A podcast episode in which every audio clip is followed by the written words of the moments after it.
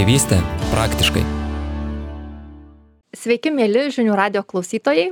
Eteryje laida Tėvystė praktiškai. Ja vedu aš, Renata Cikanaitė. Ir šiandien mūsų viešne Dovilė Šafranauskė. Dovilė yra nuostabių dvynukių mama ir taip pat tėvystės grupės augantys tėvai moderatorė. Labas, Dovilė. Labas, Renata. Mes šiandien su tavimi nersim dar giliau į tėvystę ir kalbėsimės apie tokią dažną, tikriausiai visų tėvų padarytą daromą ar dar darytiną klaidą. Apie mes ruošiamės tėvystėj, tai yra kaupiam daug žinių, klausomės tinklalaidžių, dalyvaujam seminaruose. Ir mums labai dažnai atrodo, kad, na, va, tvirtos ir tvirti to žinojimo mes tėvystė esame pasiruošę ir mes šiandien bandysim apie tave aptarti tarsi tokias dvi stiprias kojas tėvystėje. Viena iš jų kur yra žinios nes mums iš tikrųjų kartais trūksta elementaraus suvokimo pavyzdžiui nežinau na kuo tie vaikai skiriasi nuo mūsų pavyzdžiui arba kodėl jiems kažkaip kitaip gali atrodyti arba būti netgi. Tokių raidos elementų kurių galim nežinoti. Tai žinoti yra labai svarbu ir tuo pačiu antroje laidos pusėje su tavim mes paliesime tą antrą koją bet gal išduodam klausytojams iš pat pradžių kas yra ta antra koja kuri yra labai svarbi kad mes taip tvirtai būtumėm jaustumėm pagrindą po kojom nesvyruotumėm. Apie ką aš čia? Antroji ta koja yra ta, kai mes turim labai labai daug žinių ir mums atrodo, kad mes jau perskaitėm tiek knygų, kiek mums reikėtų ir susidurėm su realybė. Ir realybė kartais būna visokia a kartais mums nepavyksta pritaikyti tų žinių. Kartais mums atrodo kad na mes žinom darom bet na nevyksta taip kaip knygoj parašyta. Ir tada apima tokia panika nes atrodo kad arba mums kažkas blogai arba mūsų vaikams kažkas blogai. O iš tiesų tiesiog tereikia bendrystės. Tereikia mm, vietos kur mes galėtumėm pabūti su kitais tėvais ir sužinoti kad na ir jiems ne viskas sekasi. Vietos kur galėtumėm padiskutuoti o a kaip tu supranti šitą dalyką o kaip jums namuose sekasi kažką tai taikyti kaip jūsų vaikai reaguoja ir ką tai galėtų reikšti. Tai antroji ta koja šalia žinių mano galva būtų tikrai saugi bendrystės erdvė tėvams. Tarsi susijungia praktika ir teorija, arba teorija ir praktika. Mes labai dažnai ir aš pati tame buvau ir vis dar esu ir tikriausiai reguliariai būsiu, kai vis dar norisi remtis tom savo smegenim, kurios labai gajos ir kurios nori žinoti ir surasti visus atsakymus. Ir tikrai tas noras ieškoti to teisingo atsakymo, bet yra vienas kažkoks teisingas atsakymas ir jeigu tik aš galėčiau pakankamai sužinoti perskaityti išklausyti pasitarti su kažkuo tikrai tą va teisingą atsakymą gausiu ir tada nu jau tada galima bus atsipalaiduoti tėvystėje taip? Mhm. Taip dažnai atrodo ir mes kartais ieškom to teisingo atsakymo ir labai dažnai ir aš pati sulaukiu tokių klausimų, va šitoj situacijai kaip yra teisinga pasielgti ir to teisinga vieno teisingo e, sprendimo tikrai nėra. Bet tu labai teisi sakydama kad žinios jos turi savo vietą. Mes iš tiesų labai daug praleidžiam laiko galvoje ir savo loginiam mąstyme ir prote. Bet žinios e, nereikia galvoti kad na žinios yra nereikalingos. Ir taip pat tenka susidurti irgi su tėvų patirtimis kurie sako na aš tai knygų neskaitysiu. Ir kažkuriam amžiaus etape jie vis dėlto sako mm, vis dėlto gal kažką ir paskaitysiu. Tai a, reikėtų suprasti, kad žinios turi savo vietą, bet žinios yra teorija. Taip kaip mes labai daug kitų dalykų mokomės ir mes galim teoriškai labai gerai įsivaizduoti, kaip a, vairuoti, tarkim, automobilį.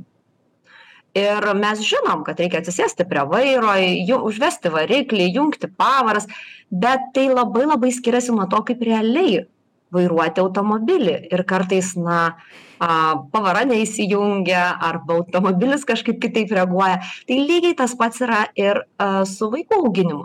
Ir žinios bet kuriuo atveju jos labai svarbios. Dėl to kad mes esam tokiam šiandienos tėvai mano galva yra tokiam ir aš tame esu ir tu tikiu tame esi mes esam tokiam labai stipriam virsme a kur mes norėtumėm auginti savo vaikus kitaip negu buvom auginti patys ir tuo pačiu nelabai aišku kaip. Ir mes labai greitai juos ir auginam ir mokomės ir tarsi viską turime daryti tuo pačiu metu. Tai am žinių nuvertinti irgi nereikėtų mano nuomone bet šalia teorijos pridėti praktiką visada labai naudinga.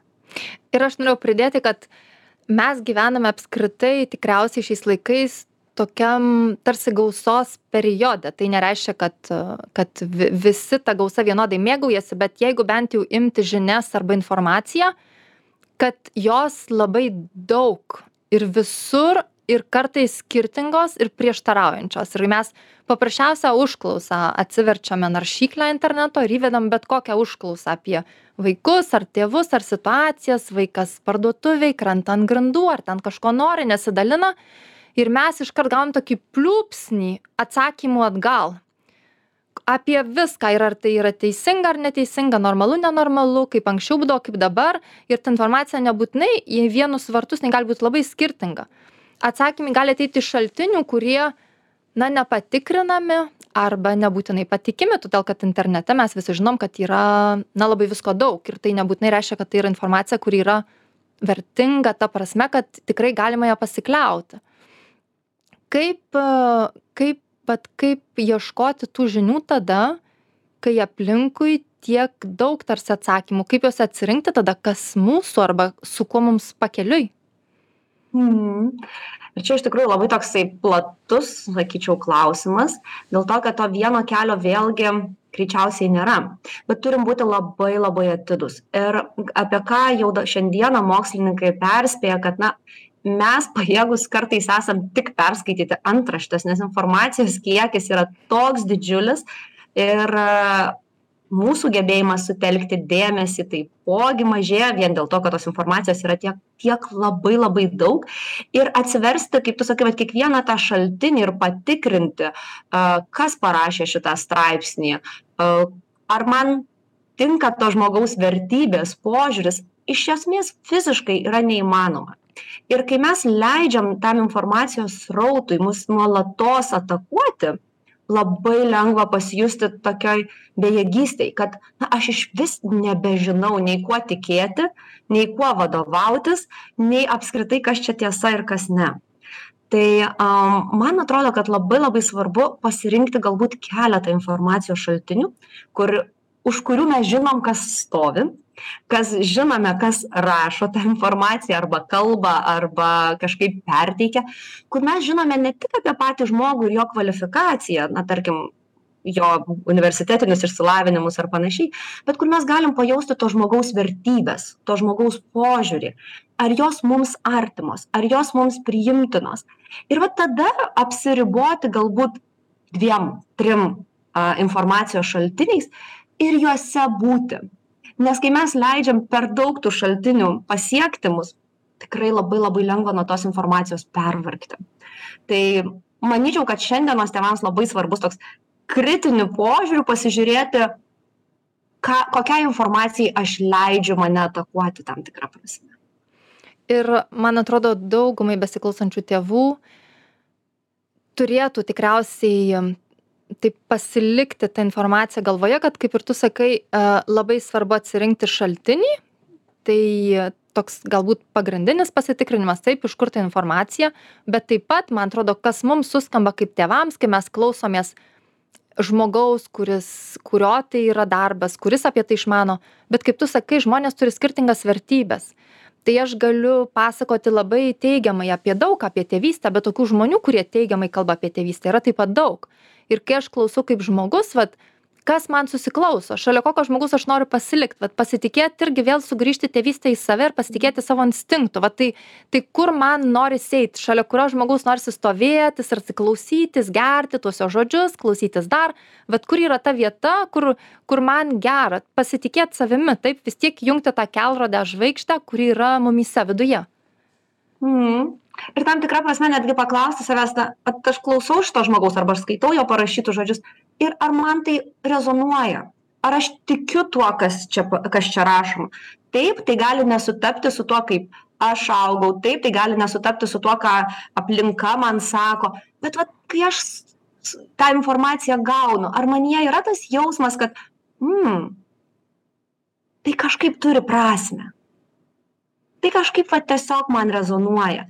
Tai visą laiką va, labai labai kviečiu tėvus pasitikrinti per tai, pasižiūrėti, ar, ar tai yra mano tiesiog. Ar tai yra mano. Ir čia kartais nėra taip lengva nėra taip kad na štai pasirinkom vieną ar kitą žmogų ir staiga man viskas ką jisai sako nuo pradžios iki pabaigos yra artima ne gali irgi būti kad kai kuriais su kai kuriais dalykais mes nesutinkame. Bet tokį kaip pasakyt tokį bendrą jausmą pajausti. Ar tai ką tas žmogus atneša aš noriu tai turėti aš noriu tai žinoti.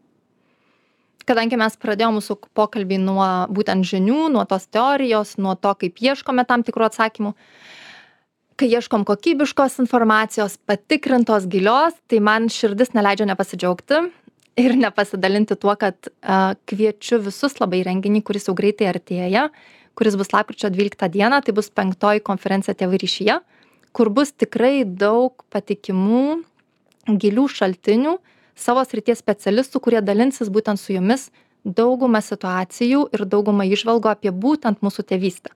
Tai visus kviečiu labai širdingai jungtis ir praleisti truputėlį laiko kartu primenu klausytojams kad kalbamės su dovile šafranauske apie a, praktiką ir teoriją tėvystėje. Kuriuo momentu tai susijungia ar tai vienas kitam priekaištauja kartais mums atrodo kad tos teorinės žinios tarsi neatitinka tikrovės ar tikrai taip yra vat kas kartais kiša koją. Ir būtent dabar gal ir pereinam prie tos tokios labiau praktikos. Tai yra kai išklausiau tas žinias kai jų tam tikrą kiekį gavau kai pasidomėjau gavau atsakymų grįžtu pas save namo ir ten taip nesigauna. Ta tikrai va tą lektorę aš ir pajaučiau ir visą širdim išjaučiau ir tai kažkas šalia man ko buvo geras stovėti ir grįžtu su tuo jausmu namo ir čia vėl tas pragaras, ten vėl ta pekla ir ten vėl mums niekas nesigauna. Ir va tikriausiai čia dabar galim kalbėti apie tą antrą koją taip, kurią įvardinom pradžioje pokalbio, kad labai svarbu yra teorija taip, bet taip pat praktika ir kartu per bendrystę. Tai yra, kad mes neiškristume iš to tėvystės konteksto, neužsidarytumėm savyje, negalvotumėm, kad mes kažkokie nenormalūs, nes mums neišeina, o kad tie va tokie galbūt tikresni tie mūsų vidiniai atsakymai išsikristalizuoja būtent bendrystėje. Ar mm. gali daugiau vat, apie tai pakalbėti, Dovilė? Aš truputį pradėsiu nuo toliau, kad tarkim verslo pasaulyje jau visiškai yra įprasta, kad mes nėra taip, kad nuėjom į vieną seminarą, išklausėm ir pamiršom.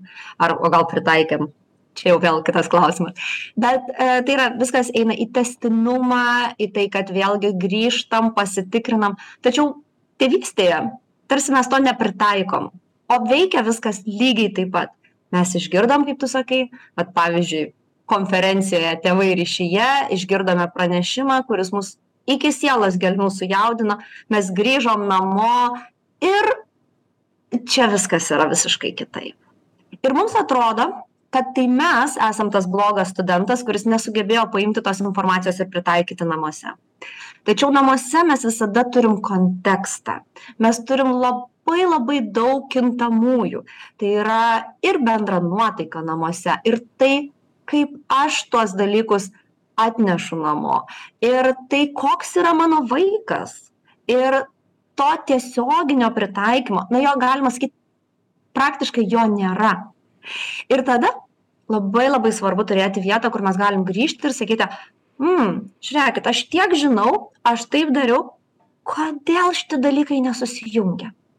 Ir aš pati labai gerai pamenu savo pačios patirtį, kuomet labai uh, dom, tiesiog kai pradėjau domėtis RAI pagarbios tėvystės uh, filosofiją ir aš irgi namuose taikydavau, bet neveikia. Ir tada aš pirmą kartą pa patekau į tokią tarptautinę rai tėvų grupę kuri buvo moderuojama kuri buvo kur buvo specialistai kurie pakomentuodavo tai ne tik tėvų grupė bet ir kartu su specialistais. Ir tada suskambėjo tiesiog man ta filosofija. Tada aš supratau kad kai kurie dalykai yra visiškai kitaip kad juos galima interpretuoti.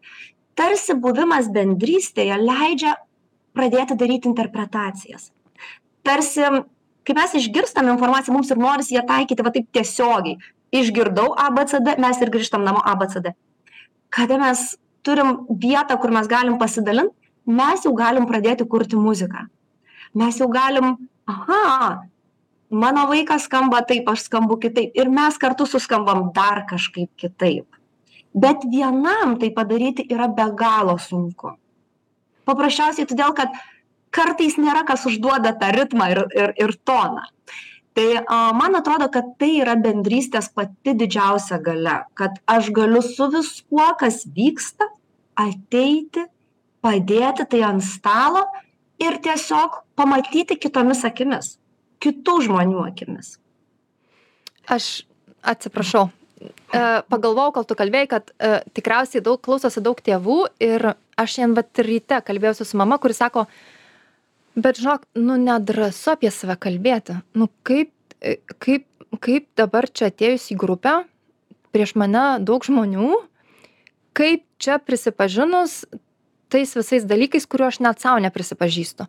Ir dar įdomu vat nu nu kaip tai pasakyti ir o kaip tai bus prieš mane panaudota tokia labai labai didelė užspausta gėda yra. Tarsi aš negaliu turėčiau slėpti negaliu vat tai e, tu moderuoji grupę tėvų būtent bendrystės grupę augantys tėvai kaip tai vyksta? Ar ar ateina tiktai tėvai kurie drąsūs ten kalbėtis? Iš tikrųjų, tikrai ne. Ateina daug, daugybė tėvų, kurie pradžioje būna stebėtojais jiems reikia įsidrąsinti ir tai yra visiškai natūralu ir normalu. Saugumas neateina per, nežinau, tik susitikus, jis kartais neateina. Bet e, kas yra ypatinga šitoj grupiai, kad pirmiausia, žmonės per pabūdami šiek tiek laiko, jie supranta, kad niekas čia yra saugu jie niekada nesulauks neigiamo komentaro. Jie galbūt sulauks kitos nuomonės bet jie niekada nesulauks pašaipos. Dėl to kad grupė nėra a jin ji neveikia pati savaime. Grupėje grupė yra moderuojama tai reiškiasi kad joje na paprastai tariant tvarka yra prižiūrima ir saugoma. Ir moderatorių darbas tokiose grupėse ir yra saugoti saugoti saugumo jausmą saugoti atvirumo jausmą ir tam kad tėvai atsivertų kartais na jie pamato kad pajaučia kad kiti tėvai atsiveria. A ir tada ateina irgi noras atsiverti. Ir pirmiausia a šitoj grupėj niekas nieko neverčia daryti. Niekas nerodo pirštu ir nesako dabar kalbėsi tu arba dabar kalbės kažkas tai kitas ir papasakos tokius ir tokius dalykus. Ne. Tiesiog būnam būnam taip kaip būnasi. Nes vieną dieną man labai norisi gal kalbėti o kitą dieną aš noriu tik tylėti. Ir su tuo viskas yra tvarkoj. Vieną dieną aš turiu klausimą kuris tiesiog mane degina iš vir iš vidaus ir aš negaliu sulaukti savo eilės kalbėti o kitą dieną aš galbūt tiesiog mėgaujuosi tuo ką pasakoja kiti tėvai. Ir taip pat šitoj grupėj labai atvir ir aš pati labai atvirai dalinuosi savo patirtimis. Ir tai irgi sukuria tą tokį saugumo jausmą nes mes visi čia esam dėl to paties. Ir taip sutinku lietuvoj tai dar nėra įprasta. Tikrai tikrai. Bet tėvai kurie ateina ir pabando na užsidega visų akys tuo. Aš prisimenu kai gyvenau dar briuselyje kur tokios grupės labai iš tikrųjų populiarios. Yra tėvų grupė mokykloje tėvų rajono grupė a miesto tėvų grupė skirtingo kie kiekvienas kažkoks tai administracinis vienetas turi savo tėvų grupę. Ir aš prisimenu kai aš pirmąkart nuėjau į tuos susitikimus aš žiūrėjau į tuos visus žmones ir galvojau kaip jie taip gali kalbėtis? Kaip gali mama atėjusi šalia atrodo nepažįstamų žmonių ten kitos mamos jinai jų nei mačius nei girdėjus ir jinai taip atvirai kalbasi ir aš o aš nedrįsdavau net žodelio pasakyti pirmais kartais nes man buvo taip nu ką pagalvos aš negaliu ten aš turiu tai slėpt tik sau pasilaikyti čia aš ateinu tik papasakot sėkmės istorijų o tos visos kitos jas reikia slėpti kišti po kilimu ir niekam neparodyt ir aš galvodavau kaip tos kitos mamos gali. Tai vat mane iš pat pradžių išlaisvino tas tikriausiai kultūrinis kontekstas nes kai tu esi šalia kitų žmonių kurie taip atvirai dalinasi ir tu ateini į vieną susitikimą antrą trečią ir tu suvoki kad niekas nebuvo panaudota prieš juos. Nėra jokio kažkokio negatyvumo jų atžvilgiu. Jie nebuvo pasmerkti.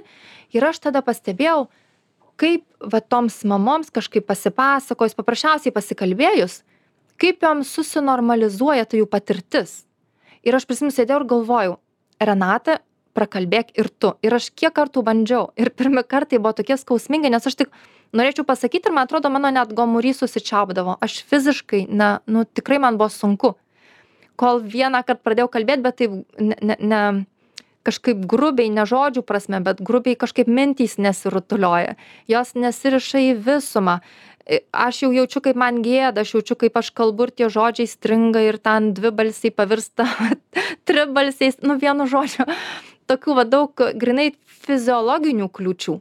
Bet aš taip maigiau ten rankas ir kelienius sau gniaužiau ir vis ką ten aš ko tik nedariau ir taip nu ir nu ir vieną žodį po kito taip savęs traukiu traukiu. Aišku kai aš baigiau tai aš buvau ir išraudus visa ir man ten nugara visa prakaituota nuo šalto prakaito ir tų rankų neturiu kur dėti.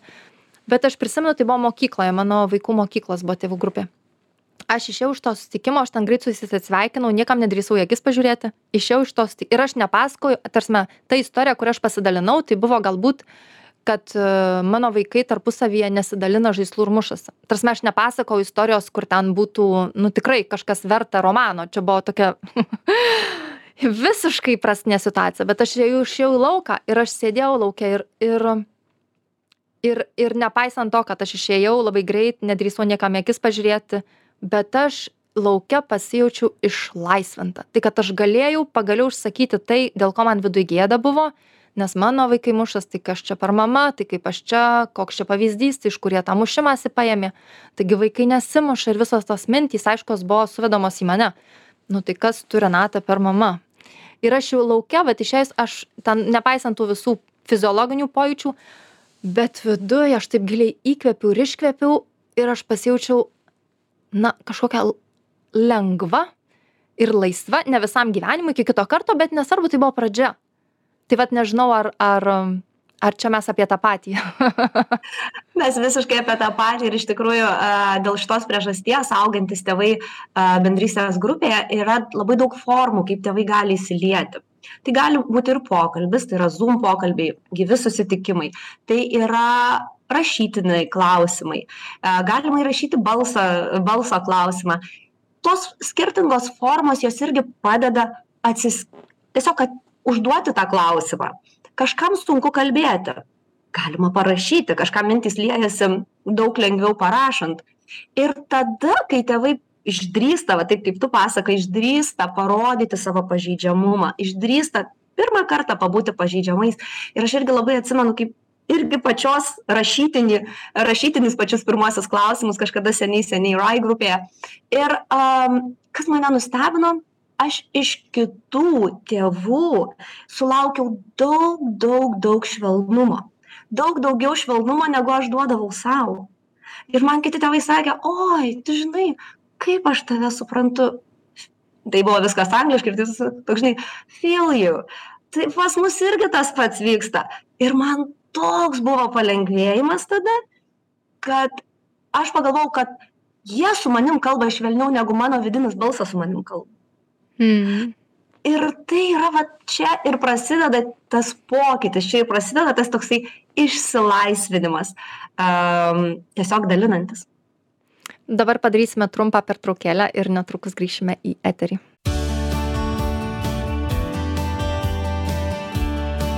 Tėvystė praktiškai. Grįžtame į eterį po trumpos pertraukėlės. Šiandien laidos viešniai yra Dovilė Šafranauskė, tėvų bendrystės grupės augantys tėvai moderatorė ir mes kalbamės apie teoriją ir praktiką kodėl svarbu yra tarsi abiejų šitų dviejų kojų tėvystės derinys kodėl tai yra nuolatinis šokis tarp taip man svarbu sužinot ko aš galbūt nežinau nes tai padės lengviau naviguoti tėvystėje bet kodėl šalia to labai svarbus kaip dovilė įvardino švelnumas sau kurį galiu gaut ir iš kitų tėvų kur galiu labiau suvokti kaip aš tas žinias galiu pritaikyti nes jos nebūtinai prisitaiko taip savaime.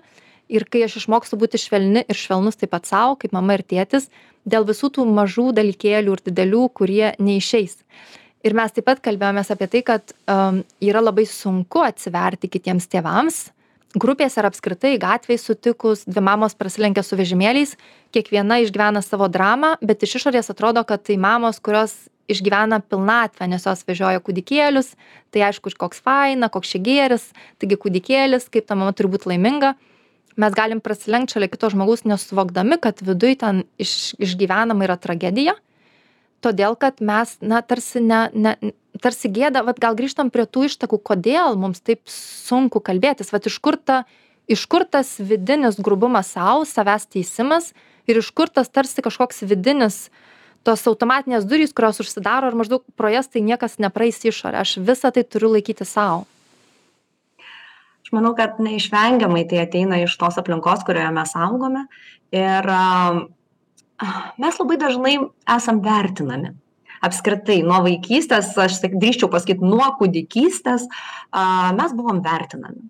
Geras vaikas blogas vaikas klusnus vaikas neklusnus vaikas geri pažymiai blogi pažymiai. Ir kai mes tampam tėvais mes tėvystėj lygiai taip pat save vertinam. E ir dažnai mes rašom sau tikrai žemą pažymį. Jeigu vaikai mušasi m reiškiasi mano kaltė. Jeigu vaikas nenori eit į mokyklą nenori daryt namų darbų mhm ne ką kitą čia reikėtų barti o tėvus. Ir a mes baram save. Ir dėl tos priežasties mes jau būdami tokie nubarę labai save mums baisu pasakyti dar kažkur viešai nes mes tikimės to paties intuityviai pasąmoniniam lygmeny mes tikimės to paties. Mes tikimės kad dar kartą patvirtins jog aš esu nevykusi mama. Ir va tada įvyksta tas stebuklas kai mes pasidalinam ir kai kiti žmonės sako bet su tavim viskas gerai. Ir labai dažnai pavyzdžiui vat tėvystės grupėje mūsų augantys tėvai labai dažnai susitikimuose verkiama. Nes tas dėmesys ta meilė kuri ateina iš kitų žmonių jinai mums nėra įprasta ir pavyzdžiui mama kuri pasakoja apie tai kad na kažkas vyksta jos namuose ir mes tiesiog sakom galima jai pasakyti pavyzdžiui tu ir nepaisant viso to tu tiesiog esi gera mama. Ir aš pati atsimenu kai aš pirmą kartą išgirdau šitą frazę kažką pasakodama apie tai kaip aš ne taip viską darau ir man sako bet tu esi gera mama ir aš nieko negalėjau kito daryti kaip tiktai prapliupti ašaromis nes aš pati sau to niekada nebūčiau pasakiusi kol aš neišgirdau to iš kitų žmonių. Tai vat čia tas bendrystė tarsi išgirsti iš kito tai ko nesakai sau yra be galo be galo didelė jėga. Ir kitas dalykas kai mes esam kažkokioj bendrystėj su žmonėm kurie išgyvena tą patį.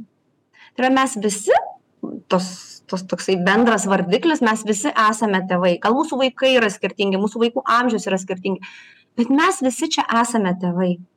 Ir mes tarsi iš karto turim tokį bendrą pajautimą kas čia su mumis vyksta. Nuostabu jeigu dar toje bendrystėje yra kažkokia na bendra veikla. Mes žiūrim tuos pačius seminarus mes skaitom tas tas pačias knygas mes kalbam apie tuos pačius dalykus ir tai mus dar labiau suvienija tai todėl vat čia ir atsiranda tas ta sinergija tos dvi kojos kaip tu sakai teorijos e kurioje kuri yra labai labai svarbi ir jinai yra tikrai labai reikalinga. Ir tada kam kaip mums jinai ją sekasi taikyti praktiškai.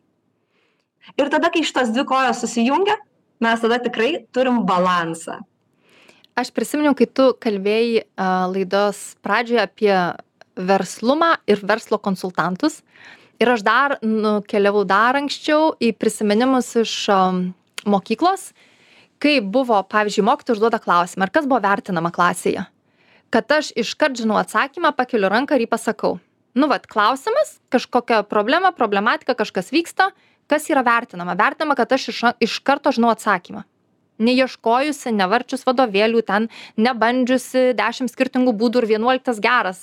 Jes bet vertinama buvo tai kad klausimas iškart atsakymas. Visa kita tie kurie pavėluodavo kurie užtrukdavo kurie ten konspektus pasižiūrėdavo visa tai jau būdavo traktuojama kaip nu tau dar reiktų čia pasistengt iki to jau tobulumo. Aš pagalvojau tai aišku mes tikriausiai darbe mokymus priimam lengviau bet ir tai manau kad ir tai vis tiek išlikęs toks matai vat man siūlo tuos kursus. Tai vadinasi nu vat kažkaip jau vis tiek ne nėra taip malonu šokt į tuos kursus ir pasakyt kad kaip faina kad man juos siūlo nes vadinasi tai aš galiu kažko naujo nebūtinai išmokti bet patirti sužinot apie save a kitu kampu į kažką pasižiūrėti.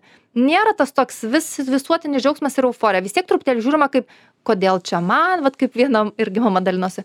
Galvoju gal čia kursai tai visiems bet kad neįžeistų manęs iš tikrųjų tai buvo man vienai tiktai suorganizuoti. Bet čia taip nenorėjo įžeisti manęs tai pasakė kad visam kolektyvui kursai bet aišku kad čia taikoma man nes aš tiktai to nemoku. Tai tai jeigu darbe dar nu taip truputėlį tas santykis toks vis tiek neaiškus bet mm taip tai tėvystėje prisipažinti kad man viešai taip prisipažinti taip įvardinti gyventi pagal tai kad taip aš nuolat kažkuo domiuosi ir man aš nuolat klausiu nes man nuolat neišeina. Aš nuolat nesuprantu iki galo. Atrodo kad supratau grįžtu namo išsiaiškinu kad mm mm ir aš vėl nuolat ieškau ir ta vat tėvystė toks yra nuolatinis ieškojimas. Vat kaip pagal tai kas vyksta kaip prie to aš galiu prisiderinti kaip vaikai galbūt gali prisiderinti kur mes galim ieškoti pagalbos vieni ir kiti kažkokių įgūdžių trūksta. Man galbūt trūksta įgūdžio ramiai išklausyti. Vaikams galbūt trūksta kitokių įgūdžių. Ir vat kaip mes visame tame naviguojam bet be jokios pradinės ir galutinės stotelės nes pradinė tikriausia buvo kai mes gimėm o ir galutinė bus kai mes išeisim iš šitos žemės.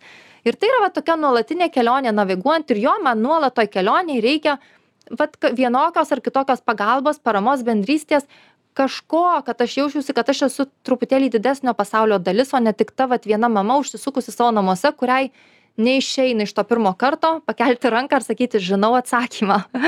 Tai man atrodo va tai yra labai svarbu pastebėti savyje tą norą duot ir žinot atsakymą ir pabandžius kad gautųsi vat iš karto nes mumyse tai buvo vertinama visa kita buvo nurašoma visa kita reiškiasi tu nepakankamai pasistengei tu kažkoks ten nežinau tinginys galbūt nu vadinas nepakankamai mokeisi ar kad ir kas tai bebūtų. Ir va tas noras savyje vat noras yra problema aš noriu žinot atsakymą jeigu nežinau vadinas susigūžiu nulenkiu galvą ir apie tai niekam nesakau nes o dieve kokia gėda. Bet žinai aš klausau tavęs ir galvoju kad kartais iš tikrųjų va tėvai sako tai jeigu man einu į tėvystės kažkokius kursus ar mokymus nu tai reiškiasi esu nevykusi mama nes tiesiog nežinau iš karto vat kaip tu sakai ane a jeigu aš dažnai užduodu kažkokius klausimus tai reiškiasi nu aš man tiesiog užtrunka suprasti. Bet man atrodo kad yra kaip tik atvirkščiai. Aš kartais susitinku su mamomis kurios sako aš ir tą dariau ir čia buvau ir tai. Aš galvoju dieve kaip pasisekė jūsų vaikams ir šeimoms kad na nėra to tokio sustojimo kad žmogus gali pasakyti kad na man kažkas nesiseka ir aš aš ieškau aš ieškau kur aš pajausiu kur tas mano sprendimas. Ir man atrodo kad čia kaip tik yra toks labai labai e, vertingas dalykas tai eiti ir ieškoti. Neužsi neužsigniaužti kažkur namuose ir sakyti eh nu jau per vėlu kartais vaikais labai dažnai tenka girdėti jau per vėlu jau jam ten keturiolika šešiolika jau per vėlu. Niekada nėra per vėlu. Net nutrūkusį ryšį atstatyti galima esant vaikams suaugusiems. Tai per vėlu niekada nebūna. Ir per daug niekada nebūna. Tiktai svarbu kartais sustoti ir pajausti kad tai nebūtų tiktai ieškau ieškau ieškau ieškau to teisingo atsakymo ir jis vis man netinka netinka bet išbūti su tuo. Ir išbūti kartais yra sunku. Nes mes visą laiką norim žinoti o kodėl taip vyksta o kokia to priežastis. Bet kartais ta bendrystė irgi padeda pažiūrėti kitom akim kad galbūt man nereikia žinoti priežasties dėl ko taip vyksta. Aš galiu spręsti tai kas vyksta. Aš galiu su tuo galbūt gyventi aš galiu prie to prisitaikyti. Bet tas pažiūrėjimas kitom akim. Mes negalim net pavyzdžiui aš būdama tėvystės kaučerė kai aš turiu kažkokį tai klausimą kuris manęs mane neramina ir kuris man toks miglotas aš einu pas kitą tėvystės kaučerį arba pas psichologą ir sakau aš papasakosiu man reikia kito žvilgsnio. Nes mes užsisukam mes negalim patys pamatyti kartais atsakymų. Mes per daug emociškai investavę esam į tas situacijas todėl būti ten kur dar gali būt kitas žvilgsnis yra geriausia turbūt kas gali nutikti ir galiausiai mes visą laiką į tą vat pačią situaciją galim pažiūrėt labai labai skirtingai. Ir vat visiems tiems tėčiams ir mamoms kurie ieško a tai kad jūs ieškot na tai tarkim čia nu taip yra situacija jūs ieškot bet vat ką jūs apie tai patys galvojat? Jūs galit galvot aš ieškau nes aš nežinau. Ir čia tokia vėl visiška bejėgystė ir tokia gėda biškį o dieve aš suaugęs žmogus vis dar nežinau čia gi visi vaikus augina o man čia žinių kažkokių reikia bet mes į tą pačią situaciją kad aš ieškau galim ateit per visai kitą žvilgsnį kitą prizmę. Aš esu tas kuriam rūpi. Taip. Paprasčiausiai aš esu tas kuriam rūpi. Ir visai kaip tu sakai nesvarbu kodėl nesvarbu kada prasidėjo bet aš esu toks žmogus kuriam rūpi. Kuriam rūpi e, tame būti kuriam apskritai rūpi tie žmonės su kuriais aš esu santykyje kuriam rūpiu aš pats ir iš to rūpesčio aš ir taip ir smalsinėju į kairę į dešinę pažiūrėk o vat tas rūpestis truputėlį palengvėjo arba žinau kaip geriau jį taikyti nes vat gavau kažkokią labai nežinau nuostabią įžvalgą. Tai vat aš esu tas kuris ieško bet esu tas kuris ieško ne todėl kad būtinai nežino arba yra nevykėlis arba kažkoks tai neadekvatus bet aš ieškau nes aš smalsus žmogus aha man rūpi. Tarsi galim save vat labai svarbu kaip mes save pateikiam patys sau tikriausiai vat su kokiais žodžiais mes kaip ir tu minėjai va tas balsas kuris galvoja ar jisai švelnus ar jisai tas kuris ten galvas kapoja. Tai kartais vien tik žodžius pakeitus dar visiškai nieko net neinant į veiksmą ir nieko nenuveikus konkretaus bet tik pakeitus žodžius kuriais tu save pristatai sau ir kitiems. Gali jau duoti truputėlį daugiau tokio švelnumo sau. Ir daugiau erdvės daryti tam tikrus dalykus tai manau kad tikrai taip ačiū tau labai dovile už pokalbį primenu visiems klausytojams kad kalbėjome šiandien su dovile šafranauske tėvų bendrystės grupės augantys tėvai moderatore o tiems kas pokalbio klausytis negalėjo visus kviečiu į internetinę žinių radijo svetainę žinių radijas taškas lt ir galite perklausyti pokalbį archyvuose. Ačiū tau, iki. Ačiū labai.